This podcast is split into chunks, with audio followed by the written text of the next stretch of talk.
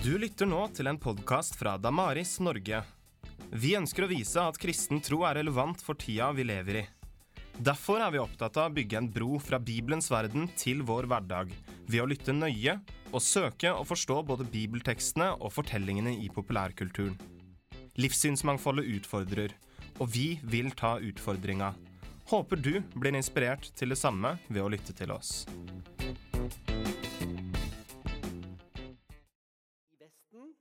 Har endret seg veldig de siste 50 og 100 årene. Selvfølgelig menigheten, bedehuset, de kristne sammenhengene. Der håper vi der skal de både få gripe troen, der skal de få vokse i troen. Så er det jo slik at uh, ungdommen i dag uh, bruker ja, det, det, er få ungdommer vi når. Konfirmantarbeidet vårt i Den norske kirke nå er faktisk en veldig brei prosent. Og så, De fleste de kommer jo aldri tilbake igjen. Og Det er jo en av utfordringene. Hvordan kan vi kalle de inn eh, til å bli til å ønske å bli med i arbeidet vårt? Um, menighetsarbeidet vi har skolen som er med på livssynsdanningen. Uh, nå er det jo slik at skolen ikke lenger er en, skal være en trosformidler. Du skal ikke forkynne i skolen, men kanskje det egentlig er en fordel. Vi syns jo ikke det hadde vært veldig bra om vi hadde sendt våre barn til en skole hvor islam skulle forkynnes som det sanne.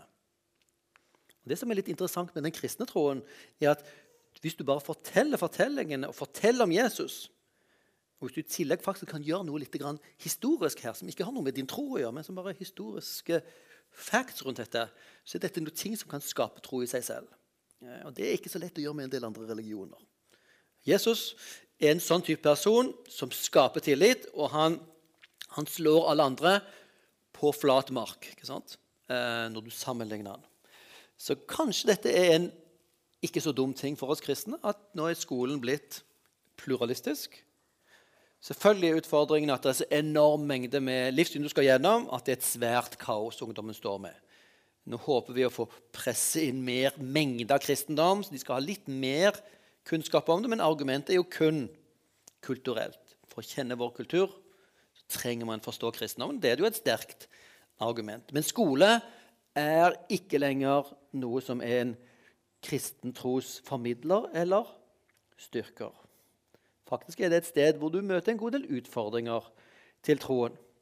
Og hvis du tar med deg skole opp i akademi, universitet og høyskole, det er et sted hvor din tro kommer til virkelig å utfordres. Hvor du får tøffe spørsmål, og hvor ikke noen nøyer seg med å jeg komme og snakke med pastoren min, eller 'jeg bare tror jeg'. Der slipper du ikke unna med det. I hvert fall ikke med æren i behold. Så skole og akademi er ikke noe som bidrar, med, bidrar positivt til å følge Jesus. Her møter man livssynsmangfoldet, her møter man masse, masse spørsmål. Og det mentale um, universet av livssyn skal vi jo introduseres for her, som gir litt oversiktsproblemer for noen hver av oss. Og så har vi et fjerde element her mediene. Selvfølgelig vi kunne føyd inn venner og sånn som en viktig faktor her. Men dette er liksom institusjoner, alle disse her tingene. Mediefaktoren som en global livssynsdanner ved siden av disse andre. Tradisjonelt sett har hjem og menighet vært et sted hvor du på en måte får troen. Og nå opplever vi skole og media som en ting som er utfordring for troen. Eh, ser du globalt på situasjonen, som er av og til en oppmuntrende ting, at kristentroen vokser som aldri før? Det er kun i Vesten at vi ser disse, disse dystre statistikkene. I resten av verden så eksploderer den. Det vi skal være klar over, er at de, vokser, de, de, de stedene hvor den kristne troen vokser, har normalt ganske sterke institusjoner, hjem og menighet. Tenk på Afrika. Der jeg delvis har vokst opp. Hvor menigheten er sterk, du har et stort engasjement, pastoren har stor autoritet. Eh, din far har stor autoritet, og, og, det forventes at Bibelen blir brukt osv. Hjemmet er en sterk faktor. Menigheten en betydningsfull faktor. Og disse våre venner i Afrika, Sør-Amerika og, og, Asia, til og med som kommer fra enklere kår, de kommer etter hvert til å møte høyskole og universitet. Hva gjør det med deres tro? De rives opp fra røttene sine, der hvor de har bodd, i en menighet med familie, møter helt andre utfordringer. Møter masse nye spørsmål. Kommer hjem til pastoren. Han har kanskje, hvis de er veldig heldige, han litt teologisk utdannelse, men har ikke blitt hjulpet, han heller, til å møte spørsmålene.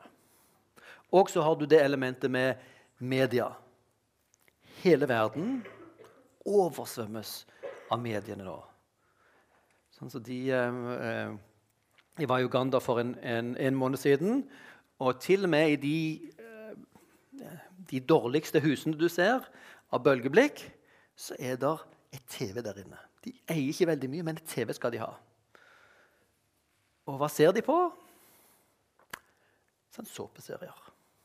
Det var nigerianske såpeserier som gikk på der. Det var jo veldig interessant. En av, en av disse var det en pastor involvert. og Han drev med å drive ut onde ånder av en eller annen. Det var kjempeunderholdning. Og, I den kulturen er jo både besettelse en, en, liksom, en, erfaring man har til, og en pastor har vel litt autoritet, tenker jeg. Det ville vært helt vilt hos oss å vise noe sånt. Men såpeserier. Det var bunn og grunn underholdning. Men faktisk så tror jeg, sånn som jeg oppfatter det, at faktisk hadde den kristne pastoren en positiv rolle inni den som vi så på akkurat der. Men de oversvømmes av mediene. De har tilgang til Internett. De kan se hvordan det er å leve i andre verdensdeler. Hvilken rikdom det er. Eh, og, og, på samme måte som, eh, som, noen av oss som har en eh, en fantastisk Skoda Roomster å kjøre med. Når du da ser på eh, Top Gear, bilprogrammene, og ser på Cribs, disse her superrike, så blir du liksom litt sånn Denne Roomsteren er bare 1,4 motor. Du kan ikke spinne særlig langt på den. Når du sammenligner ditt liv her med det som du ser i mediene, så gir det en dårlig opplevelse av ens egne levefor. som er enda dårligere enn før en møtte dette mediebildet av den glorifiserte rikdom, overdådig velstand. For de er det en mye, mye større overdådighet enn det sånn som vi opplever det. Sant? Hva gjør dette? Hva gjør mediene med vår ungdom? Hvordan bidrar denne til ungdommens livssynsdanning? For det gjør han. Helt sikkert. I uh, den tredje verden, eller to tredjedels verden, så har disse klassisk vært sterke hjem og menighet. Men i møte med det moderne så ser vi nok også at en økende del av familieoppløsning Menigheten har ikke lenger den samme autoriteten som før. Det stilles spørsmål sant? du aldri har stilt før. Så hva vil skje i neste generasjon av disse kristne? som, sant? Det trenger vi å ta ordentlig på alvor. Så den to tredjedels verden som, hvor kristendommen vokste, trenger man både dette med trosforsvar og forberede på det. Selv om man hjemme ikke har trengt det, så trenger de forberedelse på dette er verden de vil møte. Og de trenger en mediebevissthet, som også vi har. For mediene er jo egentlig et svært fenomen hos oss. Utfordringen for oss er at det er så selvfølgelig at ikke vi ser det. Vi lever under den tredje store revolusjon i historien, hvis vi tar de lange perspektivene. 8000 år siden. Jordbruksrevolusjonen forandret for alltid hvordan mennesket lever. Fra å være jegere, bodde i huler, beveget oss rundt, tok noen, tok noen eh, elefanter eller hva det var for noe. Så begynte vi å bygge byer, begynte å bli fastboende, begynte å dyrke. Sånt. Da skapte sivilisasjoner, byer, og vi fikk en helt annen måte å leve på. Verden ble aldri det samme etterpå. Og så, 10 000 år etterpå, så er det den andre store revolusjonen som kalles den industrielle revolusjonen. Verden er aldri sett, sett lik ut etter at den industrielle revolusjonen startet og har nå spredt seg over hele verden. Industri. Det er fortsatt mye jordbruksområder, sant? men nå er de ofte industrialisert. Og de store byene bor det stadig flere folk i, som har skapt helt nye problemer, nye utfordringer. Også trosmessig. Begynnelsen av industriell revolusjon i, i England, der hvor det starta. Kjempestore sosiale problemer med fattigdom, prostitusjon økte, nesten slavearbeid. Eh, helt forferdelig tragisk. Som noen, mange av de var kristne, som tok ansvar for og, og begynte å arbeide, jobbe politisk osv. for å lindre de katastrofiske forholdene som oppsto i kjølvannet av den. Men nå er den industrielle revolusjonen noe av det vi lever av. Og byene er jo blitt til som produkt av dette. Nå lever vi i den tredje store revolusjonen, sier sosiologene. Verden blir forandret på en måte som vi på en måte ikke kunne sett for oss i det hele tatt. Informasjonsrevolusjonen, måten vi lever på, forholder oss til hverandre på, er helt annerledes enn for Ja, nå er jo årsspennene vi snakker om, veldig korte. Sånn, min første mobiltelefon fikk, var jo vel sikkert 35 år før jeg fikk. Jeg syntes det var veldig tøft sant? å ha en sånn gadget. Um, min svigermor kjøpte den til meg, for det var så greit når jeg var på tur. Jeg var bibelskolelærer, så kunne jeg holde kontakt med min kone som hadde små barn. Og så, videre. Eh, så det var liksom litt nødvendig, syns vi. Jeg kunne til og med sende meldinger. Eh, det gikk en stund før min kone faktisk bøyde seg for presset. hun å få seg sånn, Så vi faktisk kunne kommunisere. Ikke bare ringe fasttelefon. Før hadde vi fasttelefoner, nemlig. Nå lever vi jo i en tid sant, hvor barna har dette som en selvfølge. Um, jeg vet ikke om dere har opplevd det. Det, det. Mine barn er for store til å oppleve det. Men da gir de en bok i en bursdagsgave, og så prøver de som det er en iPad eller et nettbrett. Sant? Det virker jo ikke. Um, så intuitivt, så kjappe er barna på å fange opp dette. Vi lever i en mediekultur hvor eh, alt med mediene preger oss. Eh, hvem vi er, hva vi er opptatt med, hvordan vi kommuniserer, hvem vi snakker om. Hvem vi snakker med, og hvordan. Vi lever i en billedkultur. Den moderne mediekulturen er medier. Det er veldig mye bilder hvordan jeg ser ut, hvordan vi blir oppfattet. Tenk på film, tenk på Facebook. Der skal du ha noen selfies og presentere deg. Du tar ikke hva som helst bilde. sant? Jeg prøver å være litt lite selvopptatt, men det er ikke så lett når du er på Facebook. Du må jo ha et bilde som ikke du er direkte pinlig berørt av. For noen tar du noen bilder før du får det til. og hele Facebook dreier seg om hvordan du framtrer. Hvordan du da tenker om deg sjøl, endrer seg i møte med Facebook. Får jeg likes? Jeg husker min min yngste datter nå, som var veldig spent. Nå hadde hun fått en fotograf i klassen. De går på mediekommunikasjon. Um, til å ta bilde. Nå skal jeg legge et nytt uh, profilbilde på Facebook. For, hvor mange likes får jeg? Veldig spent. Og, det, og dette stikker jo dypt. ikke sant? Vi, vi, vi, kan jo le av dette, her, men får man ikke mye likes, eller får man noen som så, så er dette veldig tøft. En bildekultur det former vår identitet, vår tenkning om hvem vi er. Og det er en global landsby hvor vi fra vår fjernkontroll har tilgang til hele verden av nyheter og morsomme klipp, Facebook um, Før jeg gikk inn på Facebook, kunne jeg aldri forstå hva i alle dager skal man med noe slikt. Før jeg skaffet meg en iPad, forsto jeg ikke hva i alle dager. Det er ikke en ordentlig PC. Ikke en mobiltelefon. Hva skal man med det? Sant? Nå er en blitt liksom opphengt Ja, ikke helt opphengt i det. Man prøver jo å ha et normalt liv. Men disse tingene har en egen indre dynamikk som fanger vår oppmerksomhet, stjeler vår tid og er med å prege vårt selvbilde, vårt bilde av verden. Den globale landsbyen ser av og til slik ut. Dette er et bilde fra Midtøsten. Jeg lurer på om det er Syria. jeg er ikke helt sikker. Da ser det sikkert ikke slik ut akkurat nå. Men disse områdene, i strenge muslimske områder, så har de fullt av parabolantenner. Så de har hundrevis av kanaler rett inn i stuen. Og I en muslimsk kultur så vet dere muligens at det er en ganske stor kontroll hva du gjør ute blant folk. Og ofte, I noen steder skal kvinnen ha med seg huset ut. Da er det burkaen. Kvinnen skal ikke være tilgjengelig. Hun skal eh, pakke seg inn i et hus og ha den beskyttelsen. Men innenfor huset da er det ikke så farlig hva du strengt tatt gjør. Og Hvis du da tenker hvordan dette kan påvirke både kristne og muslimske familier som har en sosial kontroll i det offentlige rom, men som har frislepp hjemme, så er det ganske skummelt.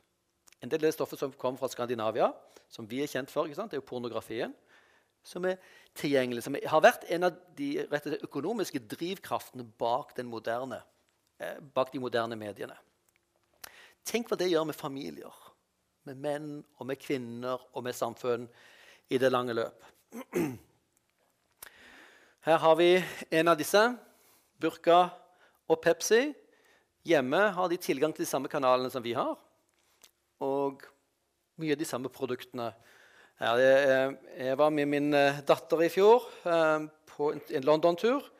Eh, hun og en venninne ville dra til London. og Jeg skulle liksom passe på, De var 16 år da. Og jeg var jo liksom mer sånn Jeg passer på det, og det ok, nå får dere gjøre hva dere vil. De, ville på, de var på shopping. Og det vet dere jo ikke akkurat tingen. I hvert fall ikke gå på shopping. Det var Victoria's Secret. Er det noen som vet hva Victoria's Secret er? Jeg vet nå hva det er for noe. Det er butikk. Nå gikk jeg ikke inn der, da. Jeg satt meg på fortauet i motsatt ende av den Victoria's Secret-butikken. Der var de inne i to timer. Jeg satt på fortauet, halvveis sov, halvveis hørte på foredrag. Eh, og det som var litt interessant, så de som gikk der, så var det kvinner med burka og barn. Kom inn.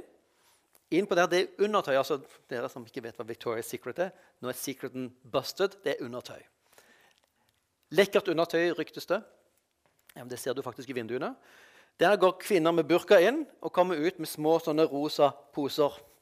Sånn, så de er like mye påvirket av den kulturen som vi, selv om det ytre sett ser ut som de er beskyttet. Noen eh, forskere snakker om mediene som et audiovisuelt tapet. Overalt hvor ungdommen nå hviler blikket, så er det eller annen, et eller annet budskap som vil ha dem. På mobilen, sant? på veien, reklameplakater, i bøkene. Eh, og det er konstant musikk. Sant? Som også er lyd, musikk, budskap som fyller deres liv. Og Noen snakker om at uh, mens det som skjedde før i tiden, for 100 år siden, var dette stedet for de store spørsmålene. Var det dødsfall? Gikk man dit? Lurte man på hva meningen med livet var, så spurte man presten. Hvis man hadde moralske spørsmål, så var presten autoritet. Det er jo lenge siden det var slik. Nå ser det ut som kinosalen har overtatt den rollen. Og Det som er litt morsomt, det er litt det samme som skjer. De sitter i én retning, ser framover, det skjer et drama der framme. Du gjerne le, kanskje gråte en tåre. Og så, når du er ferdig, så går du ut og har hatt noe sammen der. Det samme skjer i kinosalen. Og Der blir også de store spørsmålene løftet fram i varierende grad. Du får en fortelling, du får en felles opplevelse. Og Dette er grunnleggeren av, av Damaris i England som, som hevder dette. her, at uh, Traditionally, the most philosophical investigation took place in, in, in universities, and most spiritual reflection took place in the churches. However, in recent years, that seems to have changed. Now, arguably, most philosophical investigation and spiritual reflection takes place in the cinema. Mens Kirken var sted for den åndelige refleksjon og universitetene for den intellektuelle søken, så ser det ut som universitetet har gitt opp egentlig søken etter sannhet. De holder med å forberede folk til jobb og gjøre folk intellektuelle. Men vi har ikke lenger store håp om å finne svarene der. Og det som har erstatter menigheten, er også gjerne kino eller lerretet eller film. Vi kan jo føye til, vi har jo den sosiale medierevolusjonen fra 2011 som den tidfestes til, hvor, som igjen har gitt oss en helt ny måte å kommunisere på. Nå sitter vi ikke bare og ser passivt. Nå publiserer vi alle sammen. Og alle menigheter, organisasjoner og bedrifter med respekt for seg sjøl er med medieprodusenter. Vi må bli hørt. Og det vil um, Hvis Facebook var et land, så ville Facebook og det var for lenge siden, ville det tredje største landet i verden. Som er bare forbundet med Facebook. Interessant. Så vet vi mange av de utfordringene som ligger også i det. I Cape Town i 2010 så var mine kolleger Margunn og Lars Dale eh, sentrale bidragsytere. Cape Town er, var en, um, si, den tredje store samlingen til Lausanne-bevegelsen. Lausanne-bevegelsen er en konservativ, evangelikal, tverrkirkelig bevegelse som ble skapt for å, å gi en sånn felles plattform for de som ønsker å være bibeltro. Startet Lausanne i 1974 var Billy Graham og John Stott. Og så hadde de i 84 en annen samling i, i Manila hvor de var spesielt opptatt av, um, av det sosiale ansvaret osv. Evangeliet og sosialt ansvar. Og her, i 2010, så forsøkte man igjen å sette ting på agendaen. Og i ett av de aspektene som Cape Town utfordrer oss til eh, i møte med mediene, er tre ting. For det første mediebevissthet. Det er det vi skal se på her. Utvikle kritisk bevissthet i møte med medienes budskap og virkelighetsbeskrivelser oppfatninger. Det er en av utfordringene, og det er en globalt behov. Vi har behov for det, men den tredje verden har like sterkt behov for det. De er mye nyere, de er mye ferskere i møte med disse mediene, og kanskje mer sårbare, faktisk. Og Så kan man føye til et medienærvær. Vi trenger å utvikle autentiske, troverdige rollemodeller i nyhets- og underholdningsmediene. Vi utdanner journalister på Medieskolen. Vi utdanner faktisk 20% av alle journalister som tar utdannelse i Norge. Det er kjempespennende, men det er altfor få kristne. I den klassen jeg nå underviser, så er det vel bare én eller to av en 30-40 stykk. Det er altfor liten gruppe. Det var kanskje noen som ikke har forlatt den kristne troen, og sånn sett er kristne. Um, men vi må være med og utfordre også kristne til å være i nyhetsmediene, sette agendaen, gjøre en god jobb. Være med og bringe opp både den kristne røsten og andre livssyn sine røster. De stemmeløse. De som defineres ut av det politisk korrekte. ikke sant? Vi trenger noen med mot, og vi vet det er en av verdens farligste jobber for tiden. være journalist. Du blir hundset av både brukerne, av politiske myndigheter og sånt. Men derfor trenger vi folk som faktisk vet hva de vil, og brenner for sannheten og ikke redde. jeg tenker også på utfordringen med radikal islam. Hvem tør å gripe fatt i det nå? Nå er vi tvunget til det. Men liberale politikere de er livredde for det. For de, de risikerer jo livet, disse, disse karikaturtegningene. Tegnerne. Um, politikere tør ikke gjøre det. Kirka de ønsker mest dialog og være å være på dialogplan, og det er det viktig at noen er. Men hvor, hvor, har vi de som kan balansere dette kritiske blikket med en viss respekt? Eh, også, også, kunne bli møtt av eh, noen som likevel tror på en gud, og hvor vi likevel kan stille de vanskelige spørsmålene. Vi trenger kristne som også kan stå der og peke og avsløre og avdekke, samtidig som vi respekterer mennesker og tro. Um, vi trenger folk i underholdningsmedien til å, til å lage filmer eh, som er det vi kan argumentere er, kanskje den sterke livssynspåvirkeren i det hele tatt i vår tid.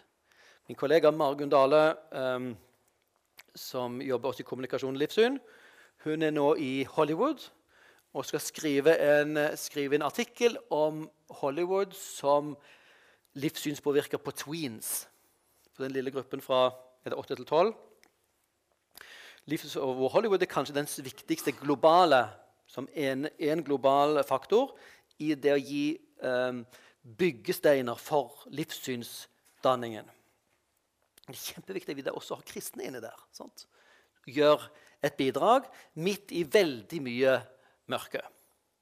Og vi trenger mediemisjon. Vi har noe som heter Norea mediemisjon på, på Gimlekollen.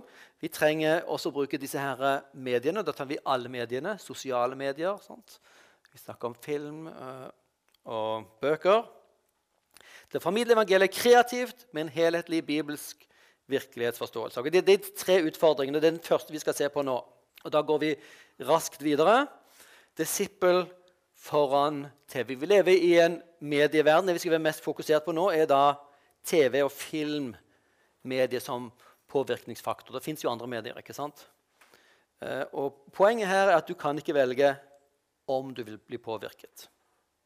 Du blir påvirket. Om du sjøl nekter å ha TV og radio hjemme, så har alle de du eh, møter, de har sett Hotel Cæsar eller The Paradise Hotel eller hva det er som går. Modern Family. Og det er det de snakker om. Det er det de er preget av. Du kan ikke velge om du vil bli påvirket. og spesielt Setter du deg foran TV-en, så kan du ikke velge om du vil bli påvirket. Du kan kun velge hvordan. Og hvordan vil du bli påvirket?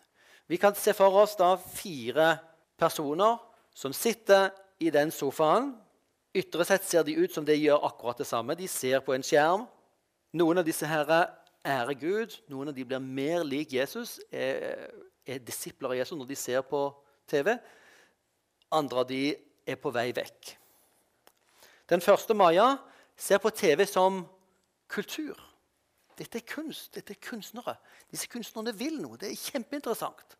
Gjennom å se på film forstår jeg noe av min samtid. Jeg kan forstå noe hvordan folk tenker. TV er kultur. Da ser du verdier. Du vil forstå, og du begynner å reflektere disse her verdiene. Hva tenker nå jeg om de?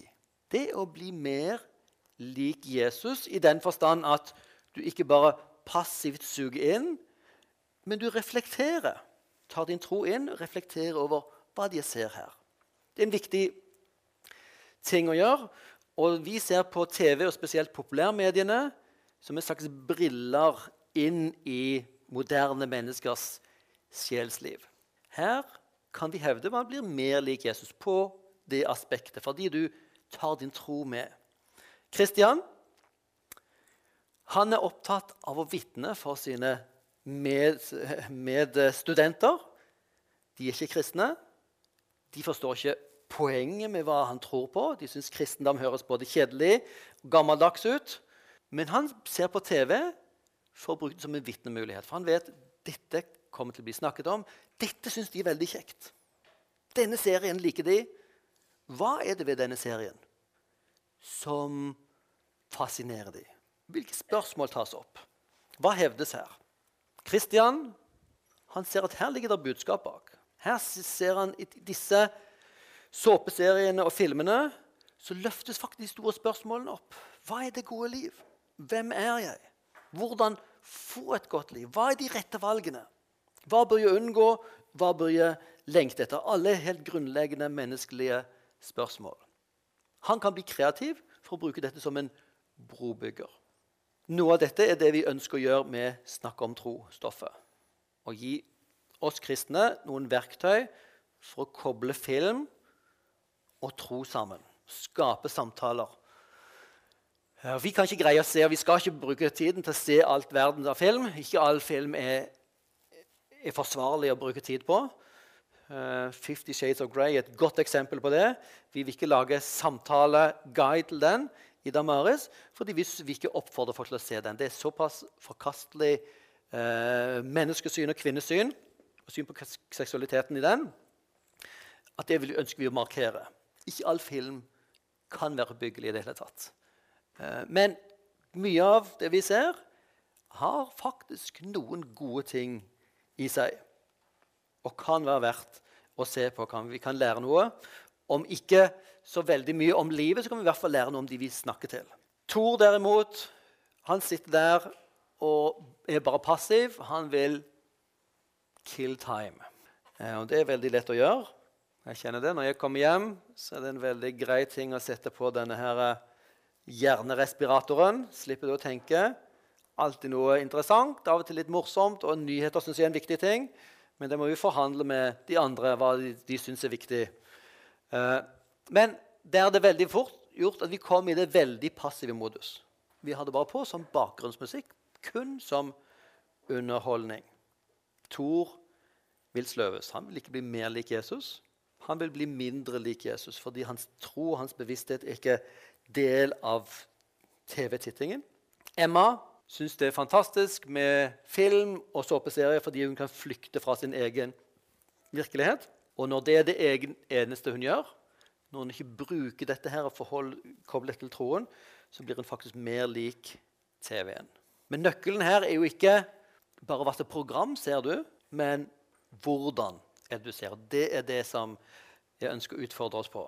For å begynne med et uh, medieeksempel. Nå er vi spent på om denne her uh, fungerer. Lyden. 1D, hva er det for noe? Hva snakker vi om det? Unge jenter. One Direction. De var, var i hvert fall veldig store. De er fortsatt ganske store. Men de var hyper-hip uh, for et par år siden. Uh, og her er jo en interessant sang um, som heter 'Let's Live While We're Young'. Dere ville hørt resten, men oss har vi fått med oss det sentrale i teksten, som vi selvfølgelig fikk med oss. Hva var det de sang? Det er jo ganske fristende å synge med her. sant? Unge som gamle. Vi fikk ikke helt med oss alle setningene, men uh, noe av det. Veldig fascinerende. Og noen har fortalt meg at de gutta der er veldig kjekke. Og så er det flere vet du, som man kan velge seg ut sin. Og i en jente, jentegruppe er det litt viktig, så ikke alle blir rivaler. Eh, det var problemet med Justin Bieber. Sånt. Han var én, og eh, da mange, mange venninner som har samme uh, idol, så er det utfordrende. Her kan du dele opp. Og hva var det de sang for noe? Fikk dere det med dere? Så bare sånn helt sånn cirka. Let's live while we're young. Den... Uh, lang festing. Det kunne virke i hvert fall som en, kanskje en kristen leir med litt høy morofaktor også. Det med alkohol. Ok. Interessant. Jeg så ikke alkoholen der, men i ungdomskulturen vet vi at alkoholen er en av de viktigste ingrediensene. Let's party, party. Ja. Ja, it's now or never. Det var jo interessant. Ja, vi må skynde oss, skynde oss. Ikke vent. Det haster. Og Dere har sikkert hørt den yoloen. Yolo, hva står det for? Det var kult for noen år siden, forsto jeg. Jeg prøvde meg på det på min datter for å vise hvor inn jeg var i kulturen. Det var fullstendig feil. Det var ett år for seint. Så nå var det helt ut. Yolo står for You only live once. Yolo. Og det går på akkurat det samme. Livet er kort. Nå grip anledningen. Carpe diem men i den, altså grip dagen. Men ikke fordi dagen er viktig, men fordi du vet ikke hva, om du får noe, noe mer. Litt, litt løgnen om det fins ikke noe etter døden. Det nekter for reinkarnasjon, nekter for oppstandelse, nekter for liv etter døden. Som ligger inni bare språket yolo. Dårlig tid. Hvis du har litt alkohol og litt fest i tillegg, så det er mye interessant du kan få oppleve. Og um, Her ser dere nå teksten. Det er en gutt og en jente, selvfølgelig. Romantikk er et sentralt tema i uh, ungdomskulturen. Populærkulturen. Come, let me sneak out and have a celebration. Music up, the windows down. Og det er litt interessant her med uh, okay, musikk og fest. Pretending we're cool, and we know it too. Og så kommer vi litt nedover her. Let's go crazy, crazy, crazy. Det høres festlig ut. Hvis vi tar med oss litt av dette alkoholtemaet som du nevnte her, eh, så eh, er det kanskje ikke så rendyrket positivt, men for veldig mange unge så er jo det som er livet. I know we only met, but let's pretend it's love. Er ikke det litt interessant? La oss late som dette er kjærlighet. Vi har bare møtt hverandre. Nå treffes vi nå. Nå er vi helt gale. Og la oss lage noen spesielle minner nå i natt eller i kveld. Never stop for anyone tonight. Let's get some and live while we're young. Det haster. Vi må skynde oss. Det sier ikke nødvendigvis hva man skal gjøre. Men gutt og jente, crazy, cool, la oss lage noen minner. Så kan man se for seg noen gode ideer hva man kunne finne på. Hey girl, it's now or never. It's now or never. Don't overthink. Just let it go. Ikke tenk for mye. Da kan du kanskje begynne å lure på hva slags type jeg er. Om dette er noe varig eller om dette er forsvarlig, eller om du vil angre på det. Nei, fort, festlig. Dette er en del av ungdomskulturen sant? som de uttrykker. Og Det er ikke sikkert at dette kommer fra dypet av intellektet til disse her uh, i One Direction, men dette er veldig stor grad ånden i deler av populærkulturen. Det haster. La oss skynde oss. Nå, ikke tenk. Don't let the pictures leave your phone. Ok, Interessant. Moderne sosiale medier her er inne i bildet. Så dette er det nærmeste man kommer da trofasthet. Um, interessant. Det har hast. You only live once. Inn i dette bildet av mediemylder finner vi jo stemmer som også Richard Dawkins, som bekrefter akkurat det samme. You only live once. Det fins ikke et liv etter døden. Fins ikke noe mening. Universet sier han, slik vi observerer det, har nøyaktig de egenskapene vi skulle forvente om det i bunn og grunn ikke fins noe design, hensikt, ikke noe godt eller ondt. Ingenting annet enn blind, hjerteløs likegyldighet. I møte med denne yolo-tilværelsen så møter vi Romerne 12 noen bibelvers. De, de, skal være på en måte utgangspunktet for å reflektere her eh, om medienes påvirkning. Og Der starter Paulus med hva er den dype meningen i livet? Jo, ved Guds barmhjertighet formaner jeg dere brødre til å bære legemet fram som et levende hellig offer som er til Guds behag. Det skal være deres åndelige gudstjeneste. Dere er her for en grunn. Og Han har brukt da elleve kapitler for å forklare hvordan hele verden står i skyld til Gud, har sabotert Gud, har spyttet Gud i fjeset, og så har Gud skapt, gitt en sånn, løsning ved å sende sin sønn, som døde for sine fiender. Sånn. En helt vill idé som sier noe om Guds store kjærlighet hans hellighet og hva vi er kalt til. Når Gud har gjort dette OK, det dere er kalt til, er denne dype meningen. Um, det er vi kalt til. Og i motsetning til det som forkynnes i populærkulturen, hvor meningen tas bort i bønnen, hvor det kun lever på overflaten og hast uten tenkning, så utfordrer Bibelen oss til å leve dypere. Spør hvem er vi? Hvor kommer vi fra? Hvordan er det egentlig godt uh, å gjøre disse uh, Hvilke valg er gode å lage og gjøre? Og da er det neste som kommer her La dere ikke lenger prege den nåværende verden. Det første Bibelen gir oss en mening, noe å leve for. Midt i den, dette mylderet av populærkultur, av ulike meninger og meningsløshet, så har vi fått en mening. Og så er utfordringen la dere ikke lenger prege den nåværende verden, men la Er du kristen og kjenner Jesus, så trenger du å forholde deg til verden på en kritisk måte. Du skal ikke bare passivt la deg påvirke. Ingmar Bergman har sagt at bildemediet er helt unikt. Det treffes direkte i følelsene uten å mellomlande i intellektet. Det er bildemediets spesielle egenskap. Det spør ikke om tillatelse.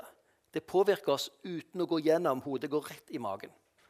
Og derfor Når vi sitter og ser på film og reklame og bilder, så kan vi føle det før vi har tenkt gjennom hva det egentlig er for noe. Og filmen, sånn som, vi, sånn som en av de bøkene til, eh, som vi har, eh, min kollega Margunn Serigstad Dale har redigert, Manus for livet, hentet fra Sigurdsson, en medieviter.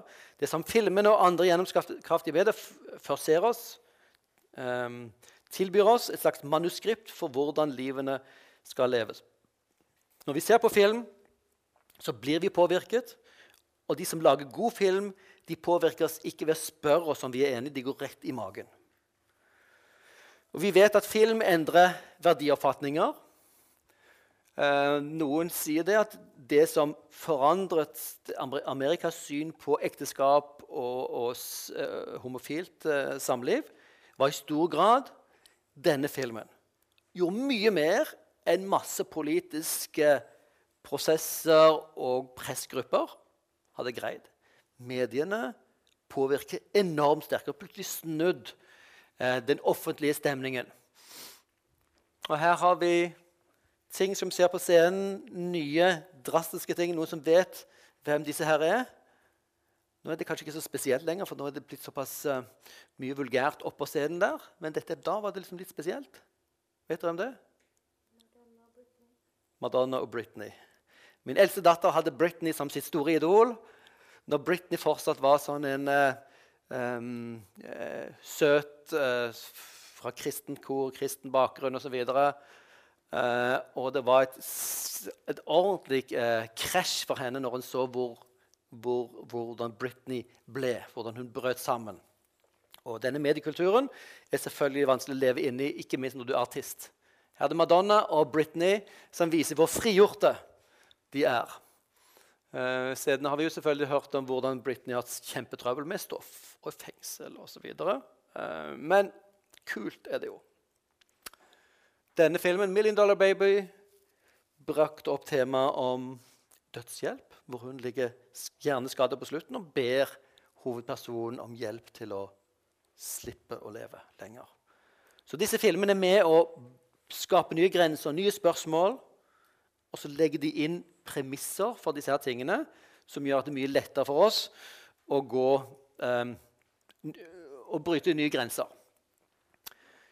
Kristen tro på lære, det kunne være interessant å tenke hvilke kristne filmer kjenner dere, hvor, eller der hvor kristendom dukker opp. Nå er det nylig kommet en god del såkalt kristne filmer. Og eh, Jeg tok med meg min kone på denne filmen. Hun var veldig irritert etterpå at hun hadde gått og sett den. Hun ble så sint. For en av de siste episodene så var det jo et barn der sant? som skulle drepes. Han skulle gjøre det med sine egne hender. ikke sant? Eh, det var ikke, ikke akkurat noe som var funnet fra denne her bibelhistorien. Eh, og Exodus, fantastisk film om Moses, utferden fra Egypt. Men hva slags gudsbilde legges, legges inn? Sånn, til og med vi som kjenner bibelhistorien, når vi leser denne, her, så er det bildet fra filmen som kommer opp. Og så disse gudsbildene. Her er Gud, hvis han overhodet eksisterer, en veldig fjern Gud. Som så vidt bryr seg, bryr seg mye, mye om naturen og syns dette med at vi ødelegger naturen, er ille. Men bryr seg ikke særlig om mennesker. Her syns også skapes et gudsbilde av en ganske kynisk og kaldt vesen. Eh, som vi har vanskelig å tro på. Så det er andre filmer. Da Vinci-koden er kjent. Her har vi faktisk en forsøk på å skape en bibelfilm som holder seg nær teksten. Husker dere den? 'Veien til Betlehem'. Um, som er faktisk forsøk på en slags kristelig film.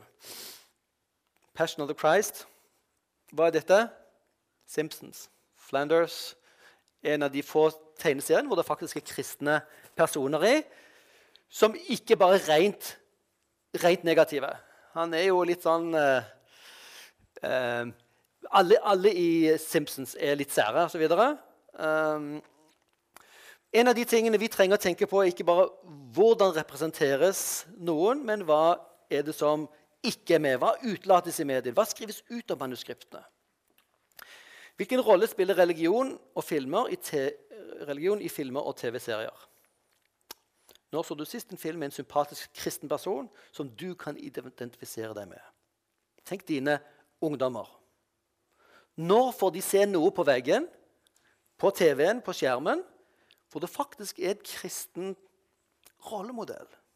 Det er så sjelden. Men vi tenker ikke over det fordi vi sjøl har tatt på oss de sekulære brillene. Det er bare sånn det er. Det er, vi, det er vi kristne som er de sære. Og det er litt problematisk og interessant. La oss bare se et raskt klipp her fra Big Bang Theory, som er en kjempesvær hit blant såpeseriene. Og Sheldon er jo et sånn et geni fra sin barndom. Her finner han fram en gammel oppgave han skrev på barneskolen om eh, magnetisme. Eh, og han håper da dette kunne bli han, han vil ha Nobelprisen, det er det han drømmer om. Og han tror at denne oppgaven eh, som han skrev da, kunne bli den nye muligheten. Og så er det noen, noen sånne små kommentarer om, om religion og religiøse mennesker inn i dette her, i dette veldig sekulære universet. Bare, bare hør. Hm. Så dere de små kommentarene der? De religiøse i byen de trodde de var en heks. Mange av disse såpeseriene som er allmenn moro, så er, no, altså, så er de kristne som representeres, er noen særinger. Fundamentalister. De tror ikke på vitenskap. De kan ligne med så, sånn heksebrennere. ikke sant? Dette er det bildet som skapes. Det er ikke ment å skade kristne, men dette da oppfattet det lille bildet folk som vet lite om kristendom, får av hva kristendom dreier seg om. Og mediene er med å skape my myter, så disse her tingene hører med. Ta seg godt ut, ha det mest mulig gøy osv. Dette er så selvfølgelig del av mediebildet og mediebudskapene at de ikke, ikke engang merker de. Sånn. Selvfølgelig det tas, dreier livet seg om dette. La oss ta et par ting fra, fra bibelteksten. La dere ikke lenger prege den nåværende verden, sier Paulus. Vi trenger å være bevisst påvirkningen, men vi skal ikke bare fjerne, kaste ut et TV. Vi skal la oss forvandle ved et sinnefornyelse. Vi har en annen ressurs for forvandlingen, for hvem vi skal være. Og det skjer inni oss. Vi hopper litt raskt videre. Eh, moderne medier i stor grad visuelle. ikke sant? Dette bildemediet som fokuserer på hvem er vi sant? Dette er et skrekkeksempel, ikke så veldig langt borte fra de vanlige kvinnebladene, som alt går på kropp. Sant? Så har vi sosiale medier hvor man, hvor man deler seg sjøl, og det er da kroppen man er interessert i.